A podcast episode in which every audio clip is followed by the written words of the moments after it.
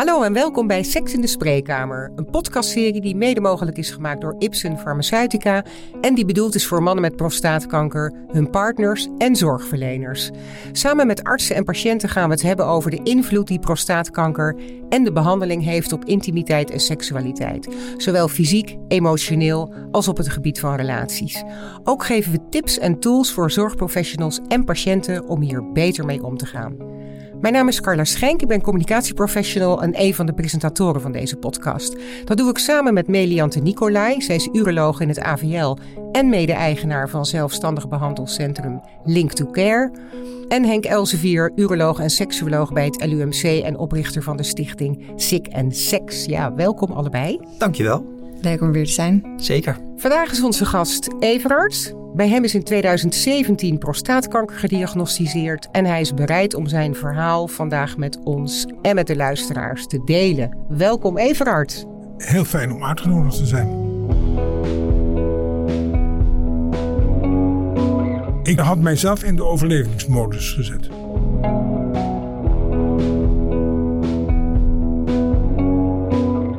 De indruk dat mijn vrouw toch een beetje teleurgesteld was. Ze begon ander ondergoed te dragen.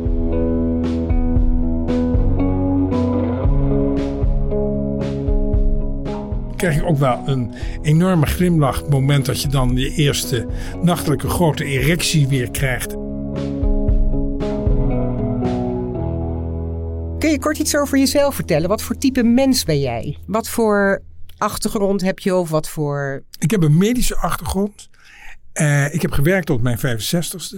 En daarna ben ik uh, gepensioneerd. En toen heb ik nog een paar andere dingen aan. Ben een beetje waargenomen. En nog uh, wat cursussen bedacht. En links en rechts dus wat spreekbeurten vervuld. En voor mensen nog eens wat ideeën verzameld. En na mijn 70ste ben ik eigenlijk helemaal gestopt. Natuurlijk erg, erg leuk dat je in de medische vak hebt gezeten. Want ik denk dat juist dat een hele bijdrage geeft, denk ik omdat je dan natuurlijk ook eh, misschien wat ervaring heeft over dit onderwerp, of dat wel of niet werd besproken. Absoluut, absoluut. En, eh, maar het, het merkwaardige is ook dat je, ondanks je medische achtergrond, je toch volkomen in de patiëntenrol Ja, maar dat is, uh, dat en is dat een heel bekend en Dat is, ja. ja. En dat is, uh, en dan ineens is het een overstelpende ervaringen. En wat dat betreft kijk je er dan ook weer anders van hoe je dat zelf um, in de tijd oploste als dokter. Ja. Gaan we zo verder over praten? We willen graag nog één ding weten. Heb je ook hobby's of ben je nog sportief?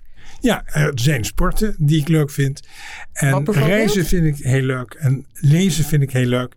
En ik ben sinds coronatijd, maar dat is nu uh, drie jaar, begonnen met piano spelen. Wow. En dat vind ik een uh, ja, hele ervaring. Maar het is eigenlijk meer een brain, een hersentraining dan dat, het, dat ik ooit uh, een groot niveau bereik. Maar het is wel ontzettend aardig om te doen. Mooi. Nou, we hebben toch een beetje een beeld van jou.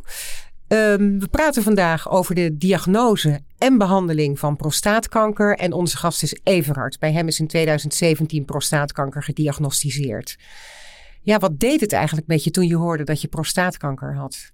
Ik was helemaal uit het veld geslagen. En dat kwam eigenlijk ook door uh, het feit dat ik had een langzaam oplopend PSA. En de uroloog vond het niet nodig om biopte te nemen en ik zei, want ik vind het toch eigenlijk plezierig om biopte te nemen. Maar hij zei, nou dat komt er hoogstwaarschijnlijk toch niks uit. En toen werd het toch bevestigd dat het prostaatkanker was. En uh, ja, dat was een, een, ja, een enorme uh, schok. Ik zat er ook een beetje alleen uh, te luisteren naar dat verhaal. En toen bemerkte ik gewoon dat na de eerste zinnen ja, dan stopt de opname als het ware van verdere informatie. Hij zei er nog wel bij, het is goed te behandelen. En ik denk dat het er over tien jaar nog zit. Maar dat hoor ik al bijna niet meer. Nee, dat is een heel herkenbaar beeld. Dat is eigenlijk wat iedereen uh, zegt. Als je eenmaal hoort dat je zo ziek bent, dan gaat de rest uh, ja, op blanco. En uh, dat is daarom ook zo moeilijk om daarna over de gevolgen van de behandeling te praten. Natuurlijk een impact die het op je leven heeft.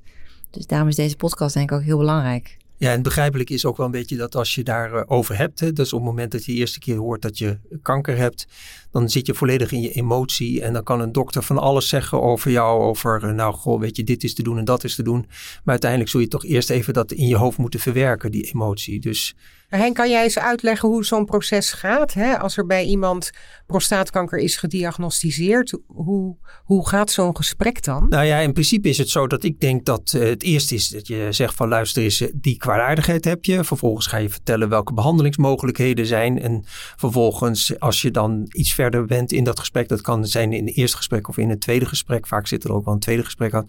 Eh, als je keuzemogelijkheid hebt, bijvoorbeeld of de prostaat eruit gehaald kan worden of dat je bestraling hebt, dan ga je samen met die patiënt in principe beslissen over welke behandeling er gaat plaatsvinden. En dat is allemaal in, in het eerste gesprek? Dat kan soms zijn dat het in het eerste gesprek is, maar over het algemeen zie je toch wel dat er ook vaak wel nog een tweede gesprek achteraan komt. En wat zijn de belangrijkste behandelingen die ingezet kunnen worden na die diagnose? Nou, als je kijkt naar de. Dat hangt er natuurlijk vanaf wat we gevonden hebben. Dus op het moment dat we te maken hebben met een, uh, iets wat tot de prostaat beperkt is, dan kun je in principe bestraling geven. Je kunt uh, uiteindelijk een prostaat er helemaal uithalen. Soms kan het ook zijn dat als je het in een hele goede situatie zit, dat bijvoorbeeld uh, de, de uitslag van het pathologisch onderzoek, hè, dus het weefselonderzoek, goed is. Hè, dus dat het wel kwaadaardig is, maar niet zo ernstig. Kun je het zo vervolgen. Dus dat je het PSA gewoon vervolgt. Hè, dat noemen ze dan active surveillance. Maar als het uitgezaaid is, ja, dan kun je je voorstellen dat je op een gegeven moment misschien zelfs moet beslissen. Uh, om een hormoonbehandeling te geven. Ja, belangrijk is daar wel in dat het, dat het starten daarvan dat kan je soms ook nog wel weer even uitstellen. Als je dus niet veel klachten hebt, maar wel een hoog PSA hebt en dat het uitgezaaid is, kan je ook nog wel een tijdje dat uitstellen. Ja, dan heb je natuurlijk die behandelingen, die hebben natuurlijk ook nog invloed hè, op het libido. Gaan we het zo verder over hebben, hè, op seksueel functioneren. Wat is, want je hebt net die behandelingen uitgelegd, wat is van die behandelingen de invloed daarvan op het libido en op seksueel functioneren? Ja, kijk, je hebt een libido is zin in seks.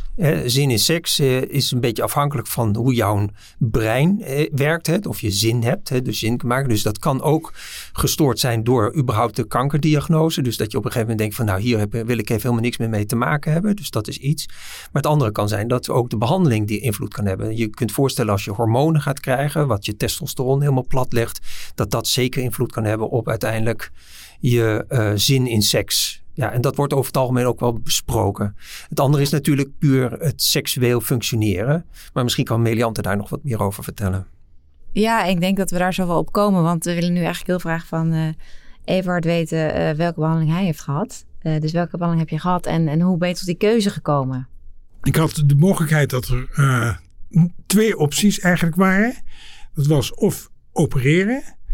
Um, en dat zou dan met de robot gebeuren uh, zenuwsparend of bestraling.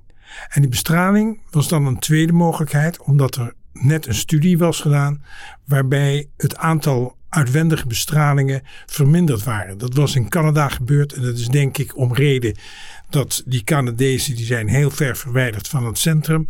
Maar dat, is, uh, dat werd aangeboden om dan mee in een trial te gaan. En um, ik heb altijd geleerd dat in een trial zijn de, me de mensen het lange overlevenden zitten in de trial. Dus ik dacht van god, misschien is dat een goed idee. Maar toen bedacht ik hoe het was. Toen ben ik, had ik een bevriende kennis, die werd net geopereerd. Daar liepen we eigenlijk tegelijkertijd mee op. En uh, die lag daar thuis zielig en die werd heel erg aardig verzorgd door zijn vrouw. En die zat een beetje zo te kreunen en dingen. En toen dacht ik, dat zie wie, ik mij wie zat er te kreunen en te? Nou, de, de, de patiënt die was net geopereerd. Mm. En die had exact hetzelfde, uh, een beetje hetzelfde beeld. En die, uh, ja, die was er niet heel erg gelukkig mee. En die zat daar met veel pijn thuis. En dan met zo'n katheter en bloederig. En dan zijn vrouw. En dan de en toen kamer dacht jij, beneden. dit wil ik niet. En toen dacht ik, nou, ik woon alleen. Ik heb een uh, relatie op afstand. Uh, ik weet niet of ik dat ga trekken in mijn eentje. En uh, dus ik moet daar nog eens even goed over nadenken. En toen heb ik mij uh, verdiept in die uitwendige bestraling. En toen ben ik gewisseld van radiotherapeut. Het was mogelijk in het ziekenhuis om met iemand te praten die meer een beetje jouzelf leert. En uh, toen hebben we samen besloten tot externe radiotherapie. En, en wist je toen ook wat voor invloed dat zou hebben op je seksuele functioneren, die radiotherapie? Nee, maar ik dacht dat is natuurlijk niet heel erg goed. En ik merkte al zelf dat ik. Um, en wat bedoelde je dan met niet heel erg goed? Nou, ik denk niet dat het helpt. Als je daar dat gebied gaat bestralen, dat dat um, de seksuele activiteiten verhoogt. En ik was natuurlijk 71.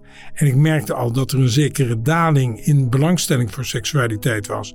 En er was al een, nou niet, een, niet helemaal een dysfunctie, maar het is dat je denkt van god, het zou leuker zijn. Je merkt dat iets achteruit gaat. Uh, maar ik was daar totaal niet mee bezig. Ik, ik had mijzelf in de overlevingsmodus gezet.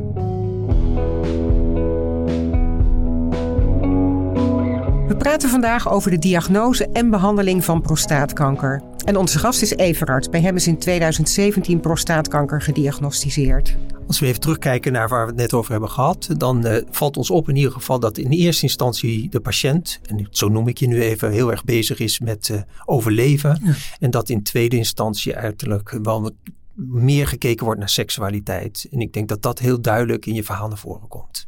In het tweede blok praten we over de invloed die prostaatkanker en de behandeling daarvan heeft op het seksuele functioneren en de veranderende behoefte aan intimiteit. Ja, want wat voor effect had die bestraling dan op het seksueel functioneren en bijvoorbeeld op de zin in seks? Nou, dat werd uh, duidelijk minder. Dus je stond op de overlevingsmodus. Ik werd ook, was er redelijk moe van. Terwijl ik dat eigenlijk niet goed kon verklaren. Ik dacht van, god, uh, ik was er heel erg mee bezig dat ik elke dag met precies dezelfde gevulde blaas kwam. En dat het uh, bestraling goed kon gaan en dat het niet hoe bijgesteld hoeft te worden. En het hield me emotioneel ook bezig. Probeerde het goed te doen als patiënt. Dus dan uh, zo coöperatief en zo goed mogelijk mee te werken. En ik had een, ja, een ja, ik schrok van mijn weinig belangstelling voor seksualiteit en hoe dat achteruit ging. En toen vroeg ik ook aan die um, uh, radiotherapeut om of hij mij ook mijn um, testosteron kon bepalen. Ja, wat kwam daar toen uit? En daar kwam toen dat dat uh, laag was. En dat dat eigenlijk uh, uit zichzelf uh, laag was. En daar hebben we toen uitvoerig met z'n tweeën over gesproken. En daar deed hij toen zo van. Ik vroeg God, is dat eigenlijk gunstig? Want dan, en toen zei hij, ja, dat is gunstig. Dat moet je als een soort natuurlijke... Uh, Gunstig hormoonbehandeling. Ja, een, een, ja. een, hormoonbehandeling. En, uh, oh, dat is eigenlijk ook wel weer bijzonder, moet ik zeggen, dat hij dat zo ziet. Want? Ja, kijk, aan de ene kant is het zo dat als je normaal testosteron hebt en je krijgt bestraling, hè, dus, uh, want er is niet een reden om extra hormonen te geven, omdat die tumor die er zit, die niet die karaktereigenschappen heeft, dat je zegt van het moet echt wel met hormoonbehandeling, en die combinatie zien we ook wel dan is het natuurlijk zo dat als jij dus uiteindelijk wel een wat lager testosteron van jezelf hebt en je ook wel minder zin hebt en wel die behoefte heeft, zou je ook kunnen nadenken van god, als je een goede behandeling hebt met bestraling, lokaal goed het heeft gewerkt, dat je wel je testosteron weer op een normaal peil zou kunnen brengen. Ja, dat denk ik ook. Maar aan de, ik denk niet, en dat, dat is hoop ik straks eigenlijk in het verdere verhaal uh, te vertellen. Um, dat alle doktoren zo gericht zijn op die hele seksualiteit. En dat direct meenemen. Nee, en ik denk, dat, want je staat eigenlijk nog dan in een overlevingsmodus. En je vraagt aan hem, God, zou dat eigenlijk bijdragen? Het feit aan ja. laag testosteron. En dan zegt hij, dat zou kunnen, dat zou heel goed kunnen.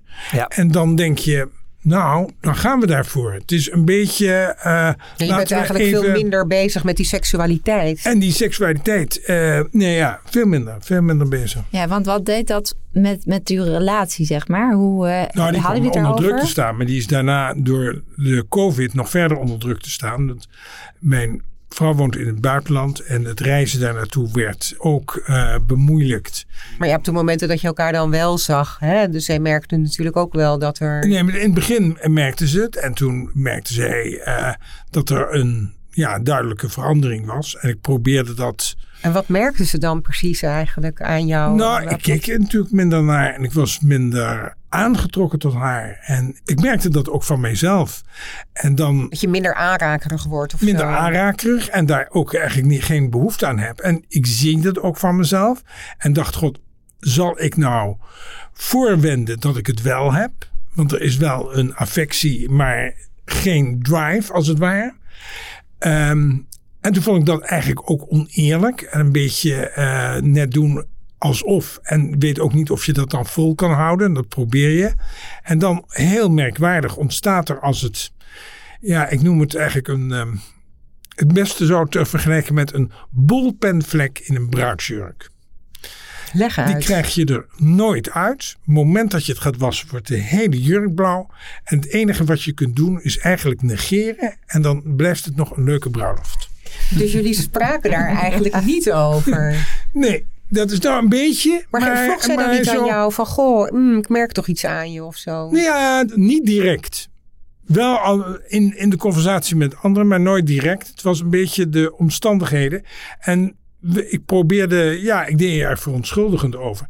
Maar ik dacht, ik ga ook niet zitten te, uh, dat zitten te veranderen. En er was al een keer een beetje een verandering gekomen, maar dat is. Uh, dat gaat een beetje buiten het bestek, denk ik. Maar dat heeft er ook wel. Toen mijn vrouw stopte met haar hormonale behandeling. Want zij was ook ziek. Nee, of, voor de maar zij, zij, had voor de overgang ja, ja. Uh, hormonale substitutietherapie. En daar is zij op haar 68ste mee gestopt. En dat veranderde eigenlijk ook al. Ja. Maar was je wel blij dat er op een gegeven moment dat er een verklaring voor was? Hè? Want er werd wel op een gegeven moment gezegd dat er een laag testosteron was. Ja. Dacht je toen van, goh, er is een, een reden daarvoor. Dus ja, dat is een reden voor. Dus makkelijker om dan op een gegeven moment met elkaar erover te praten? Ik heb dat lage testosteron nooit, nooit zelfs nooit verteld. Oké. Waarom niet? Um, ik had geen zin. Zij heeft zelf eigen kinderen. Ik niet. Um, we leven uh, gescheiden. Althans, uh, in het buitenland. En zij wil dan dat verhaal, denk ik, delen. En uh, het heeft iets sneus ook er hangt zo'n beetje. God, dan is hij ineens een laag testosteron. En het is zo'n beetje een impotente jongen geworden of iets dergelijks. Dan wordt er meteen een label opgeplakt. En dat was ik en niet. En ik wilde dat label niet geplakt hebben. Je kan me toch ook wel juist weer voorstellen dat je, dat je toch wel met je partner ja. dit wel bespreekt. Dat je zegt, schat, moet je horen. Ja, ik, ik voel ook dat er meer afstand is. En uh, ja, dat heeft... Nou, dat heb ik wel gezegd. Maar, maar niet heel duidelijk. Er is een reden voor. Ik denk dat de bestraling niet heeft geholpen. Geef mij even de tijd. Zo'n zo'n beetje zo heb ik erover gesproken. Meer dat het door de, door de prostaatkanker kwam dan maar dat het een beetje door de prostaatkanker en dat het met die hormonen. En ik, dat was natuurlijk in feite zo. Want ik denk zonder de prostaatkanker en zo redeneerde ik voor mijzelf goed, had ik natuurlijk eerder substitutietherapie gevraagd. Maar ik dacht nu, misschien helpt het om een recidief of een persisterende tumor te voorkomen. Ja, ja we zien inderdaad in de praktijk heel vaak dat mensen toch uh, eigenlijk niet bespreken omdat ze bang zijn elkaar te kwetsen. Of omdat ze bang zijn dat die ander dan zich afgewezen voelt. Uh, Of teleurgesteld is dat hij zelf iets niet kan. Als er bijvoorbeeld gevraagd wordt van hoezo doen we het niet meer. Maar, maar is jullie advies dan inderdaad om dat maar zo te houden dan? Of zeg je van nou misschien is het uh, wel belangrijk om, om er toch wel weer meer tot elkaar te komen? Ja, uiteindelijk moet iedereen erover gaan praten. Anders groei je natuurlijk uit elkaar. Dan staat er ook een wig of een kilte. Heb je dat ervaren, dat jullie uit elkaar groeiden hierdoor? Ja, we groeiden een beetje aan elkaar. Met het, daarna kwam COVID en dat maakte het nog een beetje ingewikkelder. Toen kon er helemaal niet gereisd worden. En toen uh, is het een beetje in het, uh, ja, dan, dan wordt er, uh, ja, althans geen actie meer genomen. En toen is, nadat COVID over was en eigenlijk weer gereisd kon worden. En bovendien was het toen vijf jaar daarna. Toen kwam natuurlijk een advertentie, of althans een dat er een polykliniek was geopend in het ziekenhuis of in de, het AVL waar ik behandeld werd. En toen dacht ik, wacht even, daar moet ik even naartoe. Dat, is, dat lijkt mij, nu gaan we even actie nemen. Een vraag aan van Henk. Wordt het onderwerp eigenlijk ja, besproken in de spreekkamer? Vind je dat dat tot nu toe dat dat goed gebeurt? Of denk je dat dat, als ik nou dit verhaal hoor, is er dan, wordt er dan voldoende aandacht aan besteed? Ik denk dat in de meeste spreekkamers wel eh, de consequenties worden besproken, maar eigenlijk wordt er niet zoveel gesproken over seksualiteit en over relatie en over relatiekwaliteit. Dus als op het moment dat je zo'n gesprek hebt, hè, dus je waarschijnlijk doordat je natuurlijk een latrelatie had, hè, zo laten we het zo maar noemen, uh, dan is het ook niet zo altijd dat je partner erbij zit bij dat soort gesprekken. Dat vind ik meestal op een gegeven moment wel idealer. Omdat je dan ook eens een keer aan die partner kunt vragen hoe het gaat. En hoe dat, die communicatie met elkaar erover gaat. Dat is absoluut, absoluut denk ik uh, reden dat het zo uit elkaar gegroeid is. Ja. En wij hadden zo'n latrelatie die ik uitlegde als lekker alleen thuis. Ja, en, en wat ik wel een beetje in de praktijk zie, is dat mannen over het algemeen wel prettig vinden als er een verklaring over te vinden is. Dus, dus ik, daarom dacht ik van, goh, wat heerlijk dat je een laag testosteron had. Dus ja. dat dacht ik, want daar kun je mee thuiskomen. Want ik, sorry, eh, ik heb wel minder zin. Ik vind jou niet, uh, niet meer onaantrekkelijk of zo. Daar zit het helemaal niet. Hè? Want dat kan de, de, de partner nog wel eens een keer denken van... goh, vind je me niet meer leuk? Nee, maar er is een verklaring. Ik heb een laag testosteron. Dus, dus ik dacht van nou, dat is een mooie thuiskomen. Daar had je wel mee kunnen scoren tussen aanhalingstekens. Ja. ja, en dan heb je eigenlijk iemand nodig die je daarbij helpt. Want zelf denk je, uh, uh, wacht even, ik heb zo'n laag testosteron. En misschien is het ook mijn medische achtergrond dat ik dacht van god, daar heb ik een verklaring. Dus ik werd er zelf daar heel erg gerust van. Maar ik had de indruk dat mijn vrouw toch een beetje teleurgesteld was. Ze begon ander ondergoed te dragen en weet ik. Dus je merkt het aan hele kleine dingen dat zij... Maar wat bedoel je met ander, ging ander ondergoed dragen? Wat moet ik me daarbij voorstellen? Nou, La Perla ging eruit en uh, er kwam Sloggy voor in de plaats. En dat is, ja, dat werd... Uh, dus zij ging er zelf ook minder aan doen en minder aantrekkelijk. Dus we, zorgden ook dat het. Dus, uh, en ik besprak het heel. Maar ja, we deden net alsof de vlek er eigenlijk niet, net als de bruidsjurk. En hoe, hoe was jullie seksleven voor die tijd? Uh, in het begin heel goed. En nadat zij van de hormonale stop met, met haar hormonale stop, was het ook wel een beetje iets minder. Maar was nog steeds uh, enthousiast en actief. Maar dus het klinkt ook een beetje alsof die prostaatkankerbehandeltijd een beetje een eenzame tijd was. Ja, dat was ook een hele eenzame tijd, ja.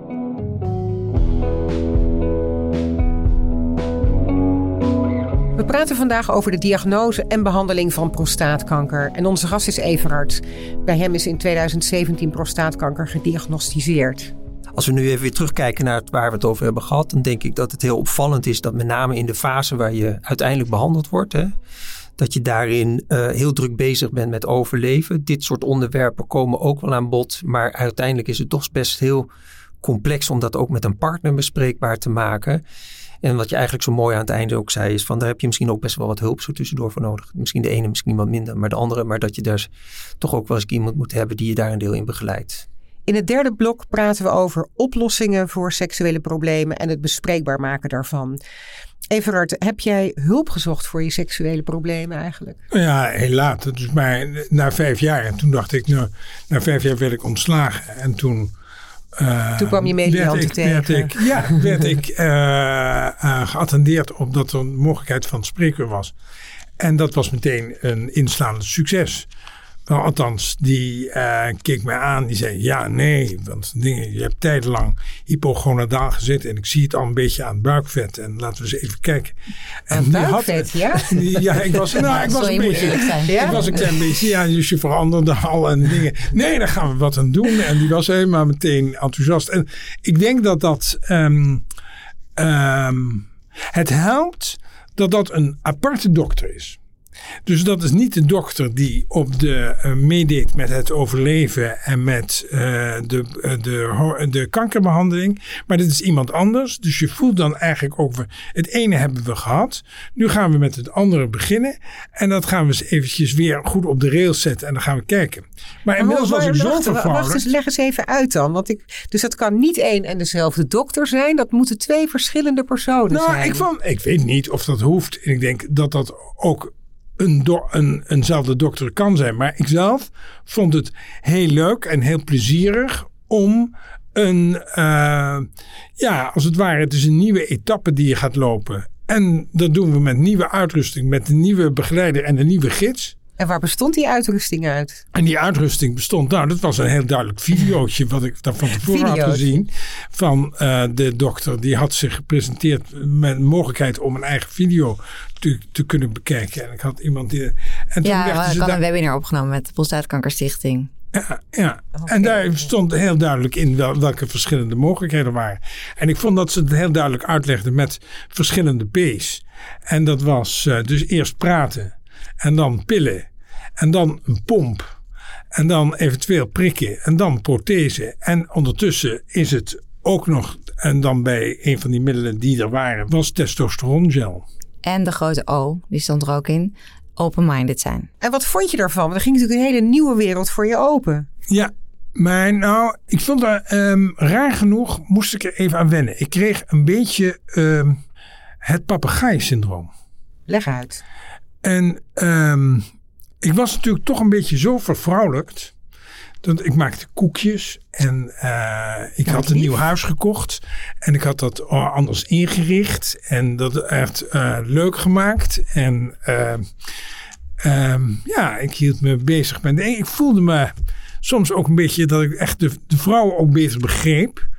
En, um, en ik had een zekere, ja, was daar gewend aan geraakt. En mijn omgeving was er ook een beetje gewend aan geraakt. Het was nou niet heel erg van me. Dus ik dacht ervan, god, dat, dat je dat kan. En, uh, god, hier ben je zeker mee geholpen. En, en toen dacht ik, ja, dat raak ik misschien wel weer allemaal kwijt. Het feit dat je open-minded en dat je eigenlijk voor veel meer dingen belangstelling hebt. Dus dat is een papegaai van wie de deurtje open gaat uit het kooitje die vliegt een klein rondje en dan gaat hij weer terug naar het kooitje. En dus ik durfde in het begin, ik vond het ook wel grappig van mezelf, uh, die hele uh, testosterongel niet eens te nemen. Ik dacht van, ik weet niet, is dat nou een goed idee? Dan word ik weer zo'n mannetje en dan moet ik eens even kijken. En toen, de tweede keer dat zij belde, zei ben je nou begonnen en hoe heb je dat dan gedaan? Laten we eens even kijken, dacht ik, ook, dus ook geen gezeur en dingen aan de slag ermee.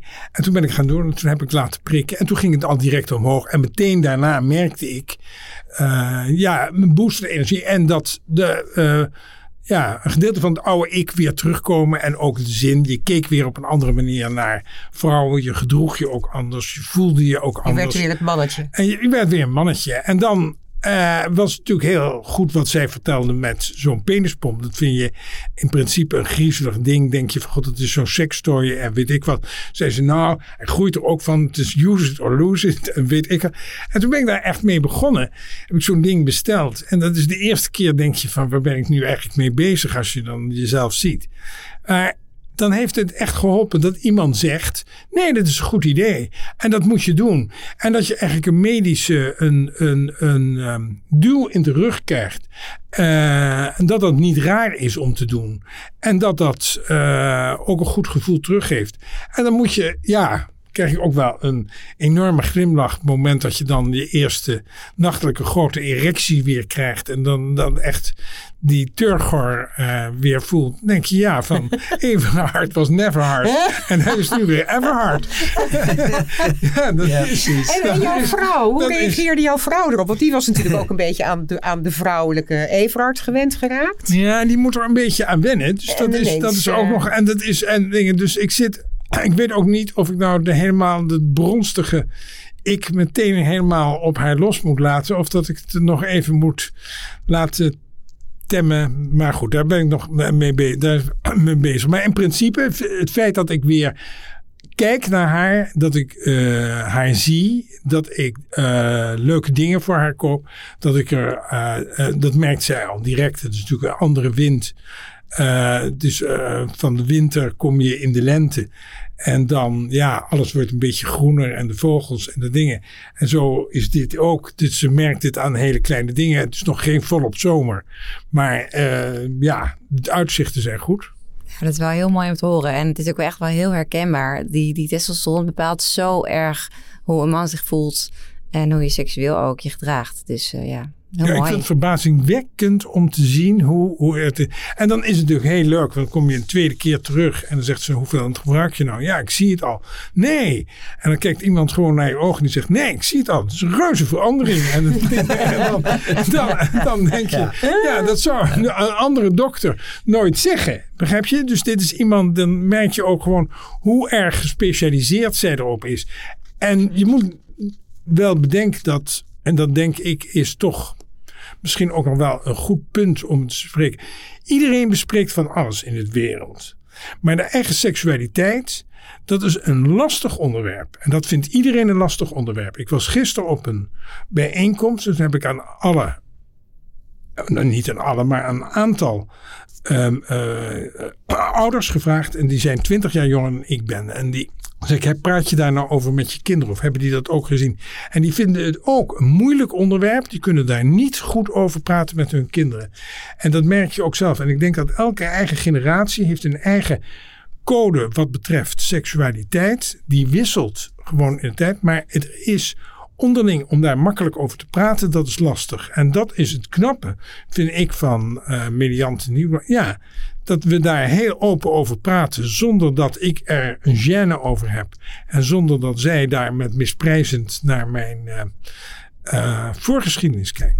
Wat was nou voor jou achteraf gezien een fijne aanpak geweest? Hè? Wat, wat zou een arts dan tegen jou moeten zeggen in het begin om het onderwerp seksualiteit bespreekbaar te maken. Nee, ben... en, en, ook te houden. Hè? En op welk moment moet een arts dat dan ja, doen? Maar ik ben heel erg tevreden zoals het gegaan is. En ik denk dat het moment dat je na vijf jaar wanneer je weet en wanneer ik de kanker heb afgeschreven en daar gewoon niet meer aan denk. En denk van oké, dat, dat hebben we gehad, dat sluiten we af. Je weet natuurlijk nooit of het terugkomt, maar daar hoef ik geen rekening mee te houden. De kansen zijn uh, buitengewoon goed. Dat je dan je richt op het nieuwe en dan kijkt. En in die periode dat ik, dat zeggen, die verminderde seksualiteit had, die heb ik eigenlijk ook nog als een heel positief ervaren. Ik Wat heeft het jou gebracht? Nou, misschien een rare uh, vraag, maar. Nou ja, veel. De, in, in die zin dat je uh, een open mind hebt gekregen, dat je het belang ziet van seksualiteit, maar ook het, de relativiteit ervan. Dat je je ziet ook, je voelt je als man. Ja, worden we toch in een bepaalde straat gedrukt. Waarbij je denkt dat uh, ja, die vrouwen uh, niet hebben. Dus dat zeggen, de vrouwelijke kant van jezelf, die is er ook. En die had ik anders nooit ontdekt. Nou, dat is dan wel heel mooi. Toch? Ja, dat, je moet ook overal wat van proberen te leren. Natuurlijk. Ja, ik vind het echt ontzettend positief. Dat je zo, nou ja, inderdaad de vrouwelijke kant in jezelf hebt ontdekt en dat dan ook een plek heeft. Die, ja, die heeft dan dus nog steeds een plek in jouw leven, in jouw zijn. Ja, hoewel je nu toch dingen met een ander, andere blik bekijkt. En ik denk dat dat. We, we moesten er een beetje over lachen bij het laatste consult. Ze hadden het over de, de betekenis van seksualiteit van in, in het huwelijk. En of dat hetzelfde wordt ervaren door mannen als vrouwen. En uh, ik denk dat dat verschillend is. Maar dat is een, denk ik een heel ander en nieuw onderwerp. Wat uh, uh, denk ik buiten het bestek hiervan valt. Maar ik, ik heb het als buitengewoon positief allemaal ervaren. Maar als je nou kijkt naar, uh, het heeft dus vijf jaar geduurd, je, duurt, maar je kunt je wel voorstellen dat dat voor iedereen natuurlijk verschillend is. Absoluut, absoluut. En, voor jou is het gewoon op dit moment geweest van dit kwam eigenlijk op het juiste moment. Ja. En uh, toevallig ook op het juiste moment dat het op je pad kwam. Maar je kunt voorstellen dat er ook mensen natuurlijk enorm Volstrekt verdrietig hierover zijn. En niet weten hoe ze er moeten omgaan. Ik denk dat het heel erg afhankelijk is. Ja. Eén van de leeftijd waarop het plaatsvindt. Twee van de setting waarin je zit. En drie van de mogelijkheden die er zijn. Dus ja, in, in ja. uh, onze situatie waarbij je ver van elkaar woont en niet direct, maakt natuurlijk een hele andere situatie. En ik denk dat als COVID er niet was geweest, dat ik het ook heel veel plezier gevonden had als we na twee jaar of na drie jaar Precies, hiermee ja. waren begonnen. Ja. Maar ik denk dat er voor iedereen een moment komt dat hij kan aangeven dat die seksualiteit toch wel weer heel belangrijk is. Ja. Hiermee zijn we aan het einde gekomen van onze podcast Seks in de Spreekkamer. Vandaag ging deze over de diagnose en behandeling van prostaatkanker en de impact die dit had op Everhard. Ja, Everhard, heel erg bedankt voor je komst.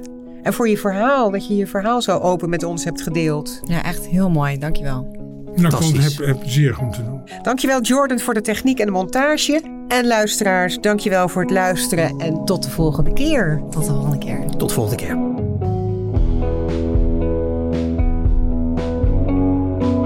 Ben je nieuwsgierig geworden? Kijk dan op sickandsex.nl of ipsen-academy.com slash seksualiteit. En natuurlijk op de prostaatkankerstichting.nl.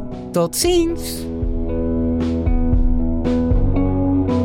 De informatie die in deze podcast wordt besproken komt mogelijkerwijs niet overeen met uw persoonlijke ervaringen. Voor uw specifieke vragen raden wij u aan contact op te nemen met uw behandelend arts.